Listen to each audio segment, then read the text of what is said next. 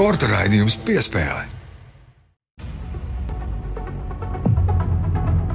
Esiet sveicināti Latvijas radio pirmā kanāla sporta raidījuma piespēle klausītāji. Kārtējā svētdiena, mēneša pēdējā svētdiena, jūs jau zināt, ko tas nozīmē, bet pie mikrofoniem kā allaža šeit mēs, es Mārtiņš Kļavinieks un mans kolēģis Māris Bergs. Sveiks, Māri! Sveiks, Mārtiņ! Sveicināti klausītāji! Kā jau mēneša pēdējā svētdienā nebūsim mēs divi vien. Šajā reizē, protams, kā jau katra mēneša pēdējā svētdienā, būs arī tradicionālā rubrika ciemos pie Gunāra Jākapsona, bet šis raidījums aizritēs tādā olimpiskā un arī paralimpiskā noskaņā. Runāsim par tuvojošajām Parīzes Olimpiskajām un Paralimpiskajām spēlēm. Jā, gal galā nākamā gada 26. jūlijas vairs nav aiz kalniem, kad uh, sāksies Olimpiskās spēles, pēc tam uzreiz arī Paralimpiskās spēles Parīzē. Joprojām ir ļoti daudz neskaidrību. Protams, ka tieši saistībā ar agresoru valstu Krievijas un Baltkrievijas sportistiem Paralimpieši aptuveni pirms mēneša pieņēma savu lēmumu. Biedri nobalsoja, ka Krieviem un Baltkrieviem būtu Parīzē. Skaidrs, ka Eiropa, vismaz daļa tās, to Paralimpisko federāciju ir pret šādu šādu scenāriju un joprojām mēģina cīnīties, lai šo lēmumu atsauktu. Latvieši ir pirmrindnieki šajā cīņā, tāpēc arī ar Latvijas Paralimpiskās komitejas ģenerālsekretāri Lienu Apini pārunāsim šos jautājumus, bet par visu pēc kārtas sākam kā Allaž ar nedēļas topu. Piespēle.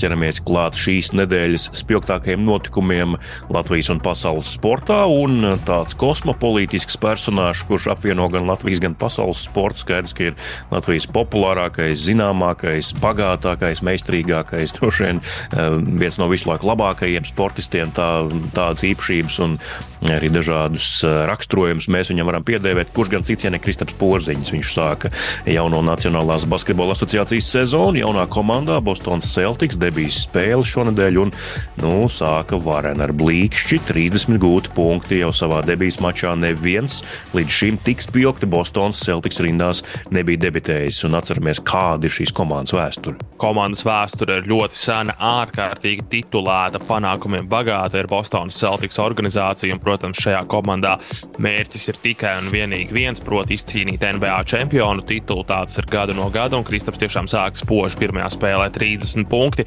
Astoņas atlikušās bumbas, četri bloķēti metieni. Viņš bija komandas līderis arī spēles galotnē. Principā salaužot spēli pret New York Snigs, panākot Bostonas Celtics vēlamo rezultātu un arī palīdzēja komandai izcīnīt uzvaru. Arī otrā spēle pietiekami laba - 17 punkti, 9 atlikušās bumbas. Bostona parādīja, ka viņiem ir ļoti sabalansēts uzbrukums un ir jārēķinās ar pilnīgi visu startu piecinieku. Pagaidām Bostonai lielisks sezonas sākums, divas uzvaras divās spēlēs. Arī Kristaps ir iejuties komandā un un par to prieks. Bet otrs Latvijas pārstāvs Dārzs Bartāns gan pēc teikšanas nav ticis sezonas pirmajos divos mačos abos palikusi soliņa. Tas noteikti ir viens no jautājumiem, un droši vien vispār ir jautājums, kur tad šobrīd Oklahoma City standarta rotācijā īsti atrodas dāvis un kā tad komanda un tās treneri redz viņu un viņa pielietojumu šajā komandā, vai viņš vienkārši ir spēlētājs, kurš tiek turēts uz soliņa, kuru mēģināt aizmainīt tuvāk māju termiņa beigām, iegūt kaut ko pretī, vai viņu varbūt izpirkt, vai tomēr iesaistīt. Varbūt dāvim galu galā ir kāds mikrosavainojums. Par to tāds plašāks informācijas īsti nav. Jā, bet mēs liekam punktu šai nedēļas top pieturvietai, paliekam pie groza bumbas, bet tepat dodamies ciemos pie kādas Latvijas komandas, kura bija aizbraukusi braukusi uz Franciju un atbrauca mājās ļoti dusmīgi.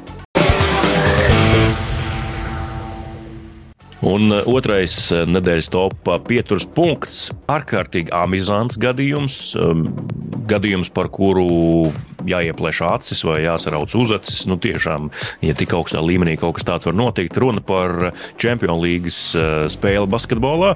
VF Rīga komanda aizbrauc uz Franciju, spēlē pret Šolēju komandu. Beigu iznākums mačam zaudējums 73, 74 par labu mainiekiem. VF Rīgai otrais zaudējums divās spēlēs sezonā, bet vēl pēc pamatlaika beigām VF domāja, ka būs papildu laiks, jo bija neizšķirts uz tablo 74, 74. Un tad kaut kā pēkšņi kāds saprata, ka VF Rīgai ir nejauši pieskaitīts viens liekas punkts, ko viņi nav guvuši, kas sodmetiens, kas nav trāpīts grozā, tas ir jāatņem, un beigās tad zaudējums nevis papildu laiks. Ārkārtīgi dīvaina situācija.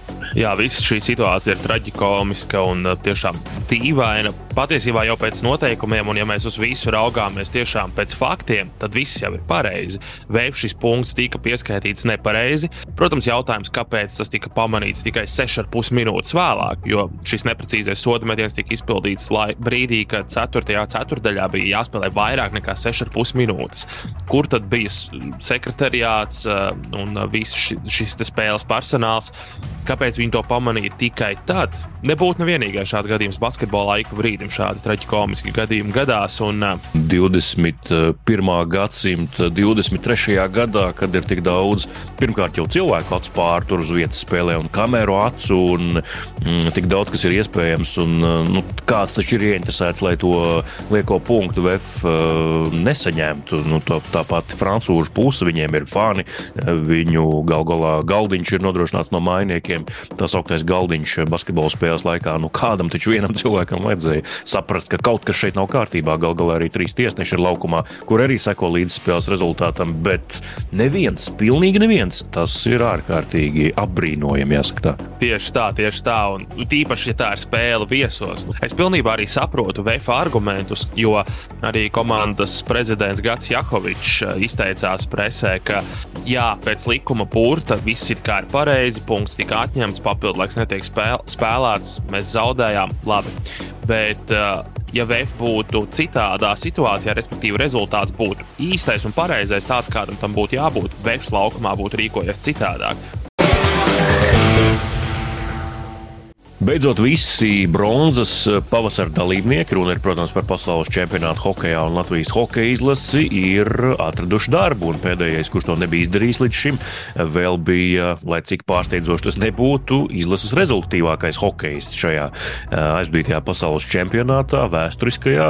Un tas bija, protams, Rihards Bukārts, kurš to paveica, bet līdz pat oktobra beigām viņš sev darba vietu nebija atradis. Un pašā nedēļas sākumā oficiāli tika apstiprināts, ka Bīles komanda no Šveices augstākās līgas eh, paraksta ar viņu līgumu. Tiesa īstermiņa līgumu tikai līdz janvārim. Rihardam būs jāpierāda savu liederību, kamēr četri eh, Bīles uzbrucēji ir savainoti. Divi šveicieši, austrietis un soms. Pirmajā mačā ļoti labi spēlēja, arī sāpīgi ar krūtīm bloķēja vienu no metieniem, parādīja pašaizliedzību. Un otrajā mačā Rihards Bukārts izcēlās ar precīzu metienu. Tā tad jau atklājas savu rēķinu Šveicē. Kā zinām, Šveice ir viena no, varbūt pat pati spēcīgākā hokeja līga Eiropā. Liekam punktu hokejam, lai Rihardam veids Šveicē. Nākamais eh, nedēļas topā pieturas punkts. Aļona Stapenko noslēdz savu sezonu eh, tenisā ar zaudējumu mainiecei Ķīnas turnīrā. Otrais prestižākais eh, sezonas noslēguma turnīrs - Elites trofeja. Jā, izšķirošajā spēlē par iekļūšanu pusfinālā Aļona piekdienas pēcpusdienā zaudēja mainiecei Cinvenai Dženai. Zaudējums trīs setos, atkal trīs setu spēle Aļonai. Šķiet, ka redzēju statistikā saskaitīts, ka tā jau ir 30. spēle mm, sezonā, kas viņai viņai ievelkas trīs setos, eh, tas arī varētu būt eh, viens no lielākajiem skaitiem trīs setu spēlēm visā WTA tūrē. Kopumā, ja mēs tā mēģinām atcerēties, ko Aļona šajā sezonā paveic, tas pats sniegums, kas Aļonai ir raksturīgs. Ja amerikāņu kalniņa augšā lejā, ja bumba, kā saka, lido laukumā un pa līnijām un stūriem, un ir Aļonas diena, tad viss ir skaisti, tad ir 6-1, 6-0 vai 3 seti, bet tomēr arī pēdējā pārliecinoša uzvara. Tad ir, protams, arī dienas, kurās tu zaudē rangs sastāvs simta tenisistei, kas laikam bija vispilgtākais tieši Seulas turnīra scenārijs. Un, nu, arī tā ir ļauna. Nu, mums tas ir, kā jau mēs te vairāk kārt raidījumā piespēlē esam sacījuši, vienkārši tas ir jāpieņem un tāda viņi ir. Viņas spēles stils nemainīsies. Aizraujoši to vērot, jo tu nekad nezini, ko tu sagaidīsi. Vai nu tev šķīvība būs saulēms vai zupa, nu tu nezini, kas būs šodien. Nu, tā arī ir lieta, ko tenisa eksperti saka, kāpēc viņi nav labāko desmitniekā, jo trūkst stabilitātes. Pat vienā turnīrā var būt viena izcila diena, kā jau teicu, un tad nākamajā dienā ir absolūta mistika un izskatās, ka Ļona vairs nemāk spēlēt un nemāk trāpīt. Iepriekšējās sezonās arī tas tā bija, bet tas nebija varbūt pat tik ļoti redzams. Šogad tas ir ārkārtīgi izteikti. Un pēdējais šīs nedēļas top 5 punkts sporta politika Latvijā, Federācijas izglītības un zinātnes ministrija, Latvijas Sporta Federācija padoma, Latvijas Olimpiskā komiteja, valsts nauda, tās dalīšana. Ministrija joprojām paliek pie sava, ka no nākamā gada 1. janvāra pati dalīs valsts naudu federācijām, Latvijas Sporta Federācija padomē, Latvijas Olimpiskajai komitejai. Ar to nav mierā daļa federāciju, ar to nav mierā Olimpiskā komiteja, kas domā, ka to var izdarīt lētāk. Pa vidu tur ir Sporta federācija padoma, Latvijas eh, Bobslēnas Skeletona federācijas ģenerālsekretārs Zins Sekmans intervijā medijam Delfi sacīja, ka 100 tūkstoši eiro varētu pietrūkt eh, gaidāmajā sezonā. Tas nozīmē, ka būtu jāceļ starts eh, Eiropas kausa mm, seriālā un jāpaliek tikai pasaules kausā. Tas atkal nozīmē, ka nevarētu audzināt jaunos. Tādu īstu skaļu pretenziju no kādas citas federācijas neesmu dzirdējis. Aizskulisēs izskatās izskan, ka pretenzijas ceļ tie, kuriem mainās viņu komforta zona, un tā paliek mazāk šajā gadījumā, un viņiem pašiem mazāk naudas. Nezinu, kā tur īsti ir. Ir cilvēki, kuri īsti nav mierā ar piedāvātajiem kritērijiem, kā sadalīt valsts naudu. Ir kā uzsvars milzīgs uz bērnu un jauniešu sportu, kas visā visumā, protams, ir pilnīgi pareizi, jo primāri ir audzināt fiziski attīstītu un veselīgu sabiedrību. Un no daudzskaitlības, no masveidības arī beig beigās izaugs arī tie augsta līmeņa sportisti. Daudz izsaka neapmierinātību, ka runa ir par 15 prioritāriem sporta veidiem, nevis 20, kā tas bija iepriekš. Un izglītības un zinātnes ministrijai nepatīk, ka kāds vispār runā par kaut kādiem prioritāriem sporta veidiem, jo tādu nav.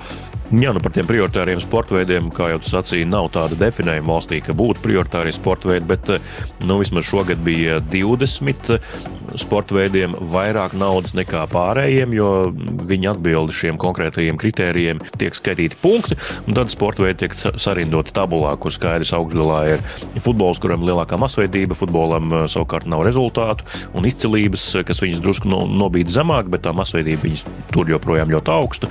Nu, un, eh, salīdzinot, piemēram, ar bobsleju vai skeletonu, tad tur savukārt eh, nav masveidības, nav piramīdas, nav bērnu, jauniešu. Tur ir tikai izcilība. Tā kā nu, šos divus um, kritērijus salīdzinot, tad arī viens ir augšpusē, viens savukārt ir uh, lejas galā. Arī šis izcilības vērtējums ir ļoti stiepjams jēdziens, kā mēs to vērtējam. Un nu, tur nebūs tā, ka visi būs apmierināti. Nekad tā nebūs. Mēs savukārt liekam punktu nedēļas topam un dodamies, kā jau minēju, pie intervijas ar Latvijas Parlamentas komitejas ģenerālsekretāri Lienu Apinu.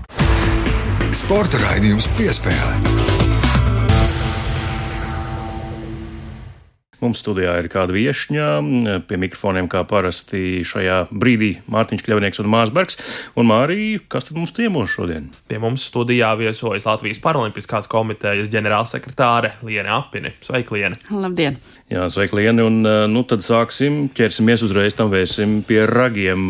Šī nedēļa nes tādu, es domāju, pozitīvu cerību stariņu pēc tam, kad aptuveni pirms mēneša Starptautiskā paralimpiskā komiteja paziņoja, ka Krieviem un Baltkrieviem atļaujas startēt Parīzes Paralimpiskajās spēlēs, bet Latvijas puse turpināja cīnīties un turpina to darīt joprojām. Un tas progress, kāds ir panākts, tas nozīmē, ka Latvijā notiks nākamā gada sākumā Eiropas Paralimpiskās komitejas ārkārtas ģenerālā asambleja. Pastāstīja, vai ir jau zināms, kad un kur tieši tas notiks Latvijā? Un tā kā šis ierosinājums nāca no Latvijas, tad mēs arī piedāvājām, ka Latvija varētu būt tā vieta, kur šis pasākums arī notiek. Pirms tam mēs bijām šo ideju apsprieduši arī ar izglītības un zinātnes ministri. Jā, 23. oktobrī notika Eiropas Paralimpiskās komite, komitejas valdes sēde.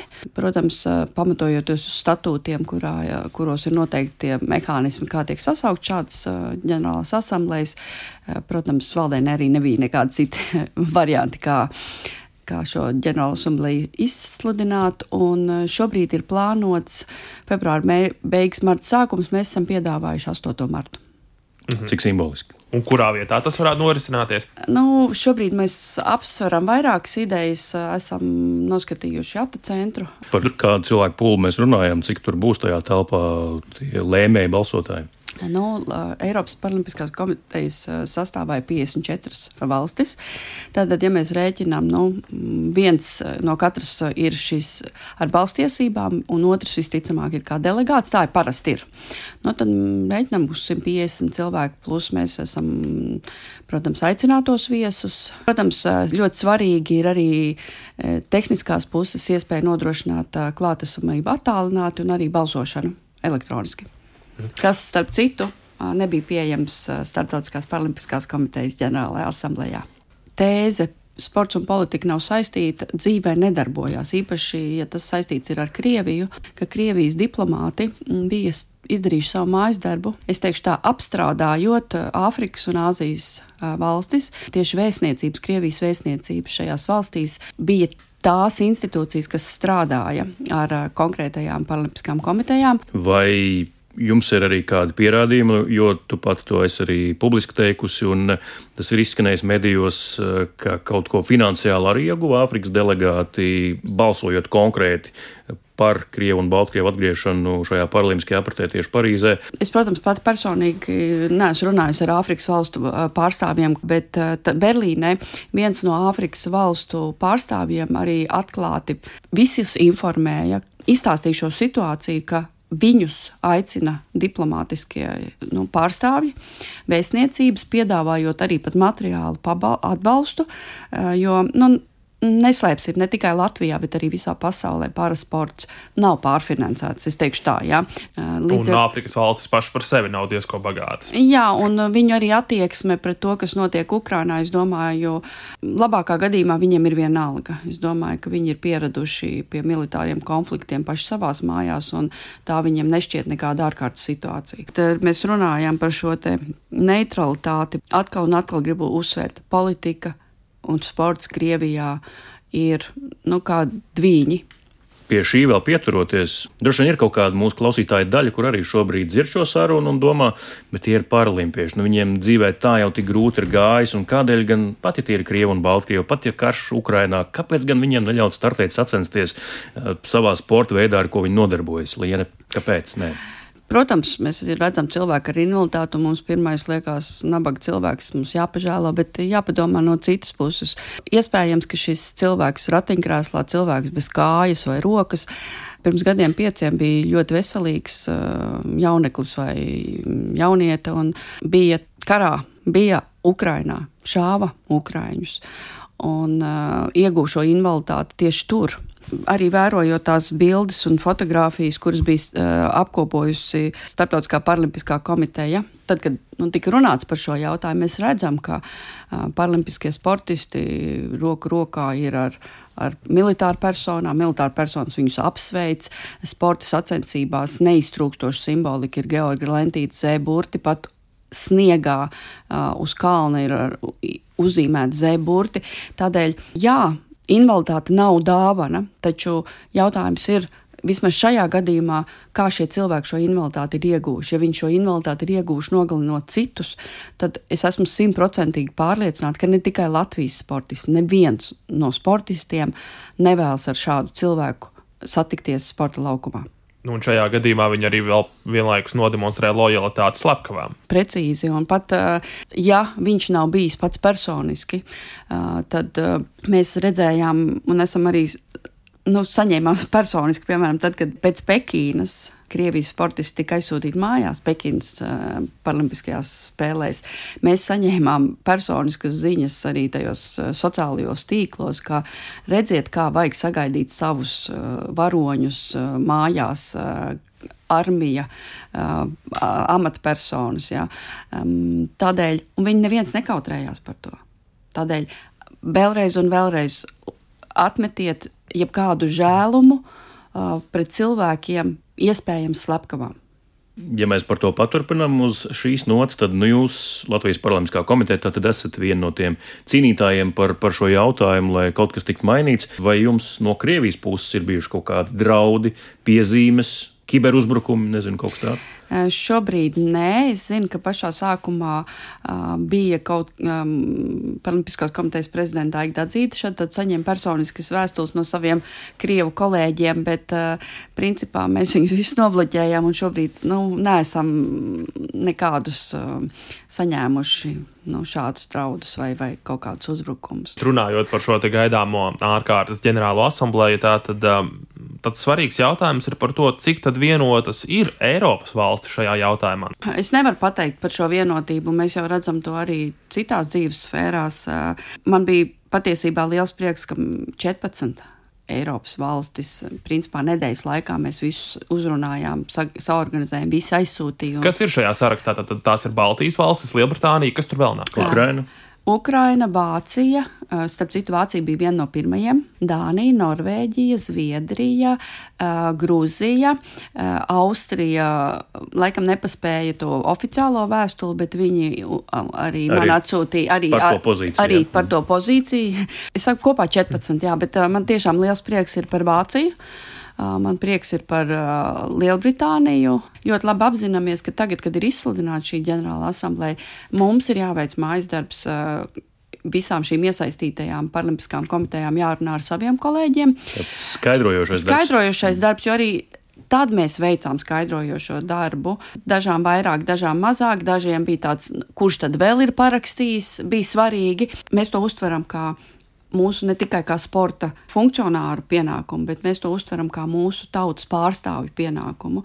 Zinot mūsu tautas vēsturi, zinot to, kam mēs esam gājuši cauri, kā ir dzīvot zem Krievu okupācijas, visas šīs represijas, tad to mēs uzskatām par personisku pienākumu ne tikai pret, pret Ukraiņiem, kur tagad uh, karo, bet arī pret mūsu tautiešiem, mūsu ģimenes locekļiem, mūsu vecvecākiem, vecākiem, kuri cieta no padomju represijām. Atgriežamies pie šī kongresa, kas Jā. notiks eh, nākamā gada sākumā. Vai nu tas būs 23. februāris, eh, kas Jā. būs zīmīgi, vai 8. marts, vienalga. Bet, uh, kas tad ir tas, tas galīgais, visaugstākais uzdevums, ko jūs gribat panākt? Mēs ļoti gribētu, lai tas iznākums būtu tāds, ka tāds pats kā bija Pekinā, kur Startautiskās Paralimpiskās komitejas valde pirms tam pieņemot lēmumu, ka Krievu un Baltkrievu sportisti varēs startēt neitrālā statusā. Nakts laikā, dažu stundu laikā pieņēma citu lēmumu, un nākamā rītā Krievu un Baltkrievu sportistiem bija jāizbrauc.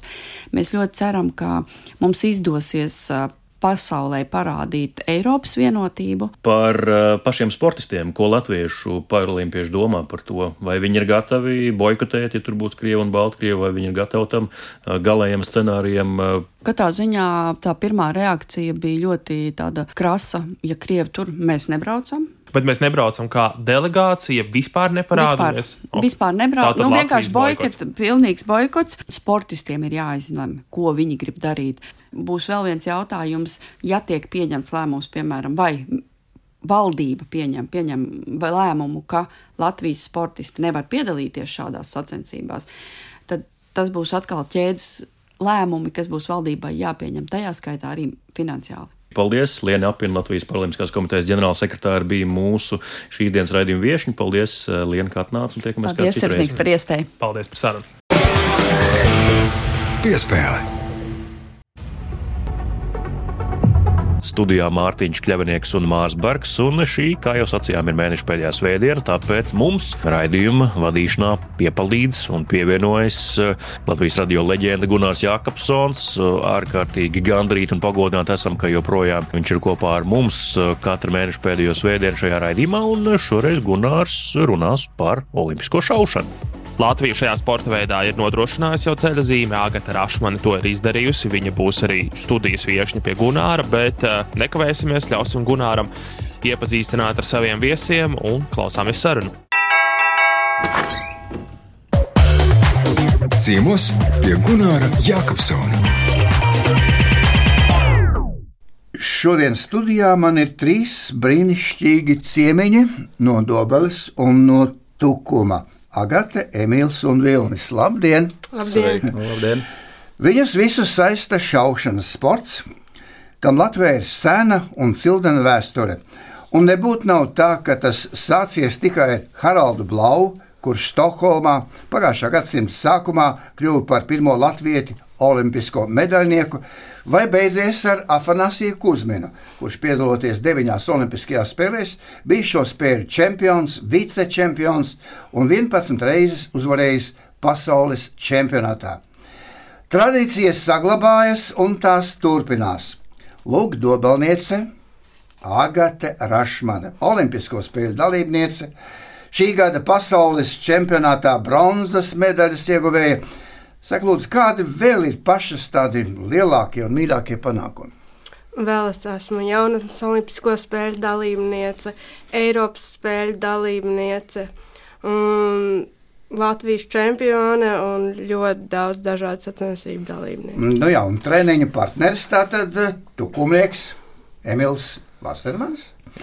Otrais Brazīlijā pasaules kausa posma sacensībā šaušanā ar pneumatisko pistoli 10 metru distancē. Kuru sasniegumu tu vēl šobrīd gribētu tā piepacelt? Piepacelt noteikti varētu pagājušā gada pasaules kausa finālu kur arī tika izcīnīta trešā vieta. Nu, galvenais eh, panākumu ass, protams, ir treneris Vilnis Celmiņš. Ko piebildīsiet savu audzēkņu sacītajam? Un cik liels ir jūsu audzēkņu skaits Dobeles pusē? Dobeles pusē mums ir sports skolā. Ir šaušanas sports ir uh, tradīcijām, kur dobele labi ziniet, kad ir handbols, riteņbraukšana, šaušana. Tie ir tradīcijām jau svarcelšana arī bija. Tāpat mums ir pieci olimpieši no, no dobeles, agata bija piektā. Un piebilst to, ka nu, šaušanas nodaļa mums ir viena no lielākajām. Mums ir kopā ar, jo šaušanas sports dalās divos, ir šautene un pistole. Mēs tā kā pistoli pārstāvam, tas ir 25 metri un 10 metri. Tie ir abi olimpiskie vingrinājumi. Un ir arī, protams, neolimpiskie. Un mums ir nu kopā ar kolēģi Armāndu, kādi varētu būt uz 60 audzēkņu. Šobrīd arī Agata mums kā treneris sporta skolā. Mēs jā. esam, jā, Agata ir beigusi arī uz puslodzi. Jā.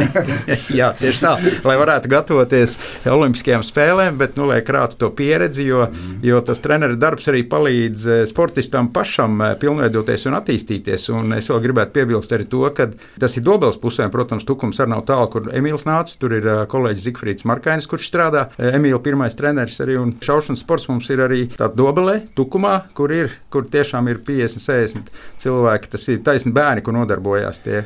Nu, jūs pats esat valsts čempions visās vecuma grupās, turklāt jauniešiem, junioriem, arī pieaugušiem. Cik lielā mērā liederīgi šī šaušanas sporta pieredze 40 gadu garumā, lai to dotu citiem? Sanāk dzīvē, kad es sāku strādāt par treneri jau 87. gadā. Beidzu dienēt armijā, tur arī dienēju Dienāmo, Dienāmo sistēmā, dienēju sporta rotā. Tur bija tā, ka atgriežoties eh, mājās, un tas bija tas juku laiks, sāku strādāt līdz 91. gadam nostrādāju.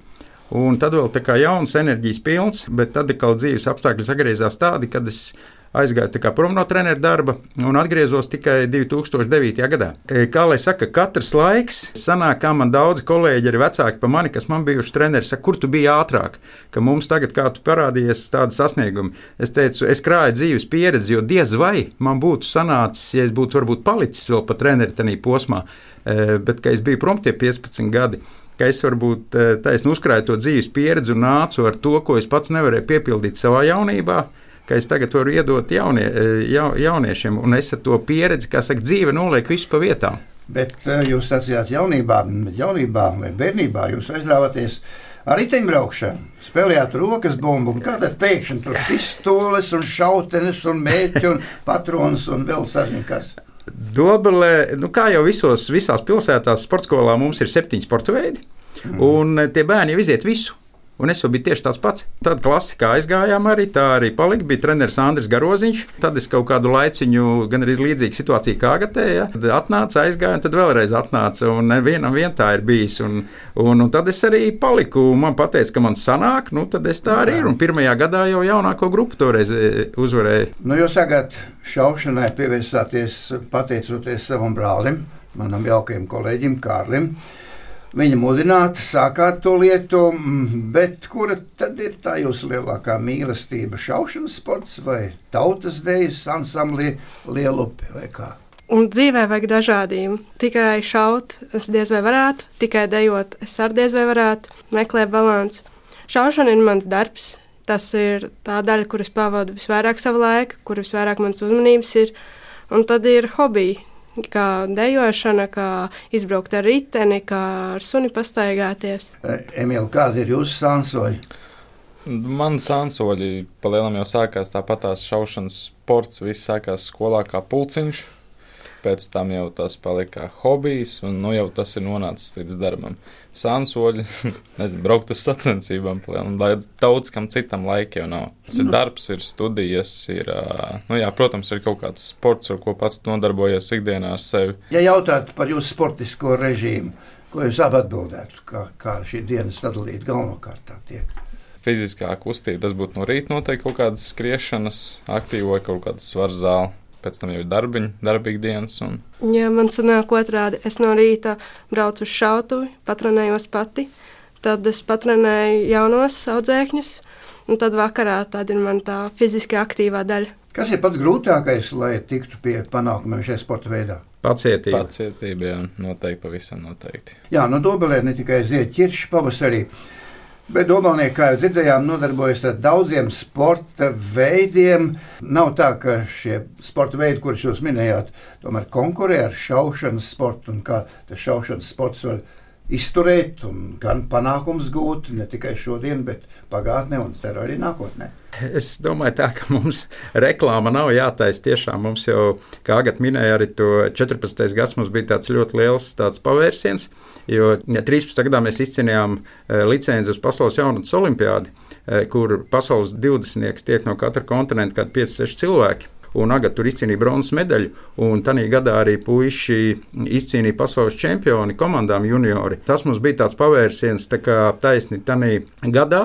Un e, reklāmu mums vairs nevajadzēja, tanī, jo mums e, nav jābērni, kā saka, pie tā, kad ir handbols, ir riteņbraukšana, ir, ir, ir tāpat vieglietīga dobele un tri, triatlons ar bija tajā laikā, un tagad ar vēl. Mums tie bērni, bērni paši nāk, jo tā reklāma iet pa priekšu. Tāpat arī šobrīd e, otrās olimpiskās spēles. Eiropas spēles, tāpat mums Latvijas čempionāti. Mēs jau, man liekas, Dobeli nesam zaudējuši gadus, man liekas, jau gan arī 40 taisnīgi komandu vērtējumā.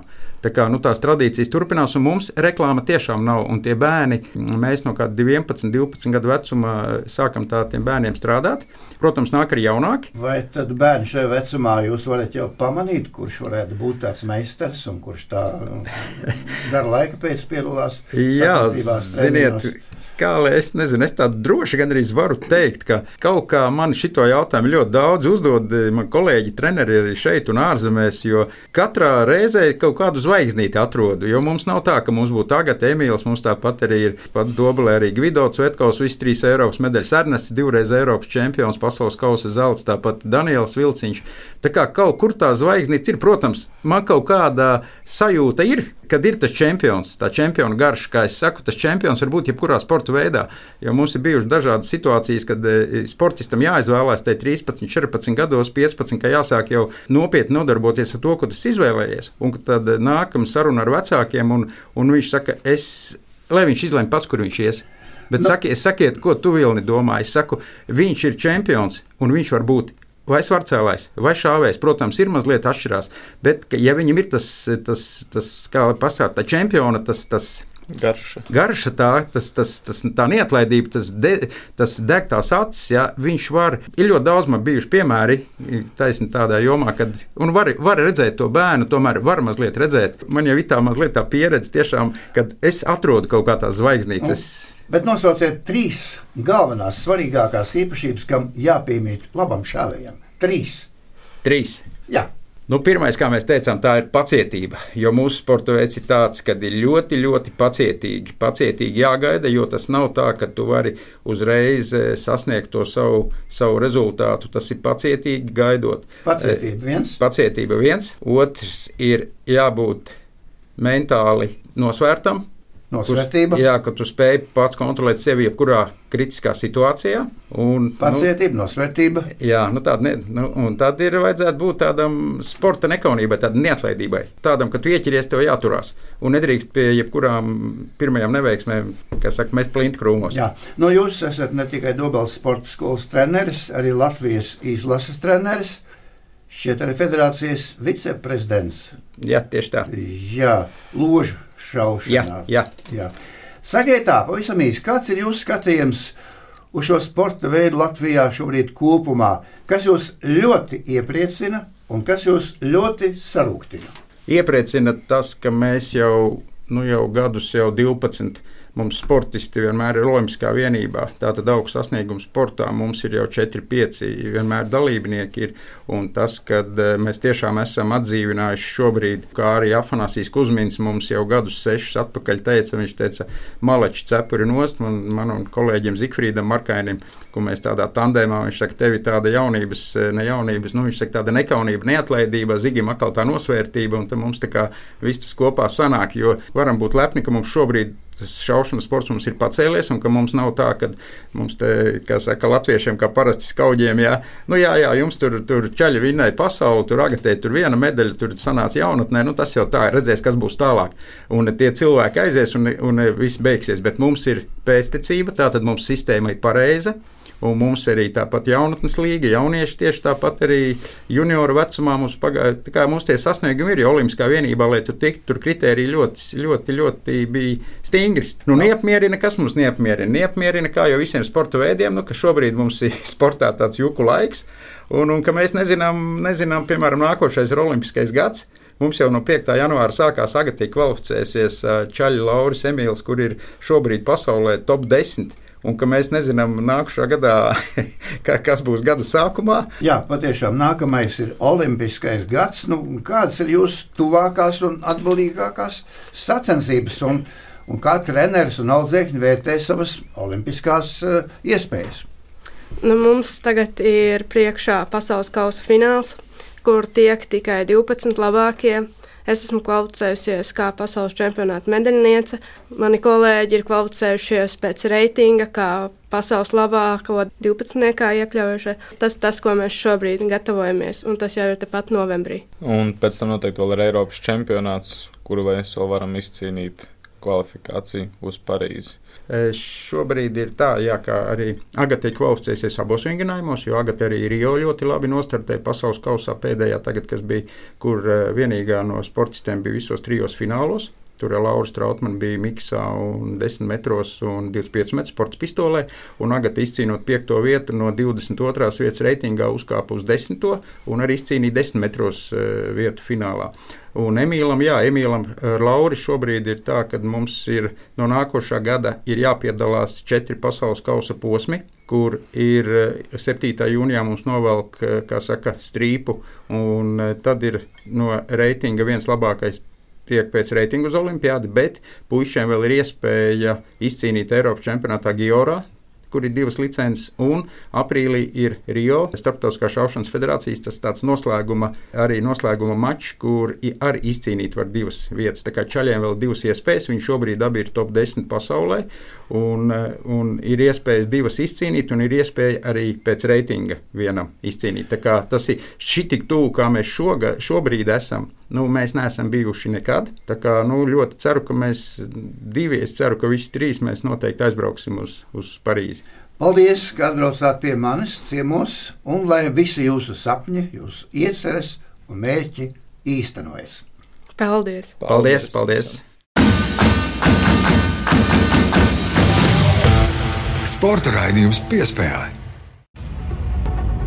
pamazām arī redzējums izskan tādu sarunu ar eh, Latvijas labākajiem šāvējiem un eh, arī viņu treneri Vilni Celmiņu. Savukārt eh, mēs liekam punktu šim redzējumam un sakam jums paldies par klausīšanos. Cerams, ka jums bija interesanti tāpat kā katru svētdienu. Gaidiet mūs atpakaļ jau novembrī, kad atkal jauni temati, jauni raidījumi, jaunas sarunas, un mēs ar Māru varam pačukstēt, ka mēs ārkārtīgi cītīgi esam strādājuši šonadēļ pie tā, lai mēs jau aptuveni zinām, kas skan skanēs uh, novembrī, kādi temati un kādas sarunas nedaudz arī decembrī. Tā kā mums ideju un uh, viesu padomā ir daudz producēšanas darbs ir paveikts tiešām liels.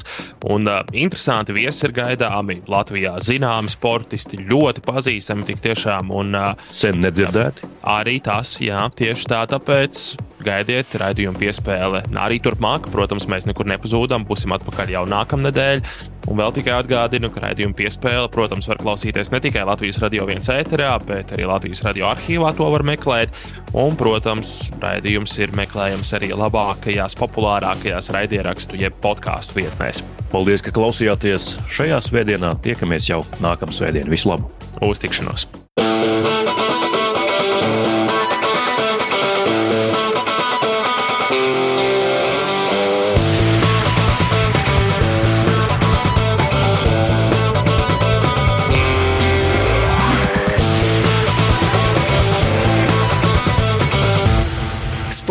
Raidījums piespēlē.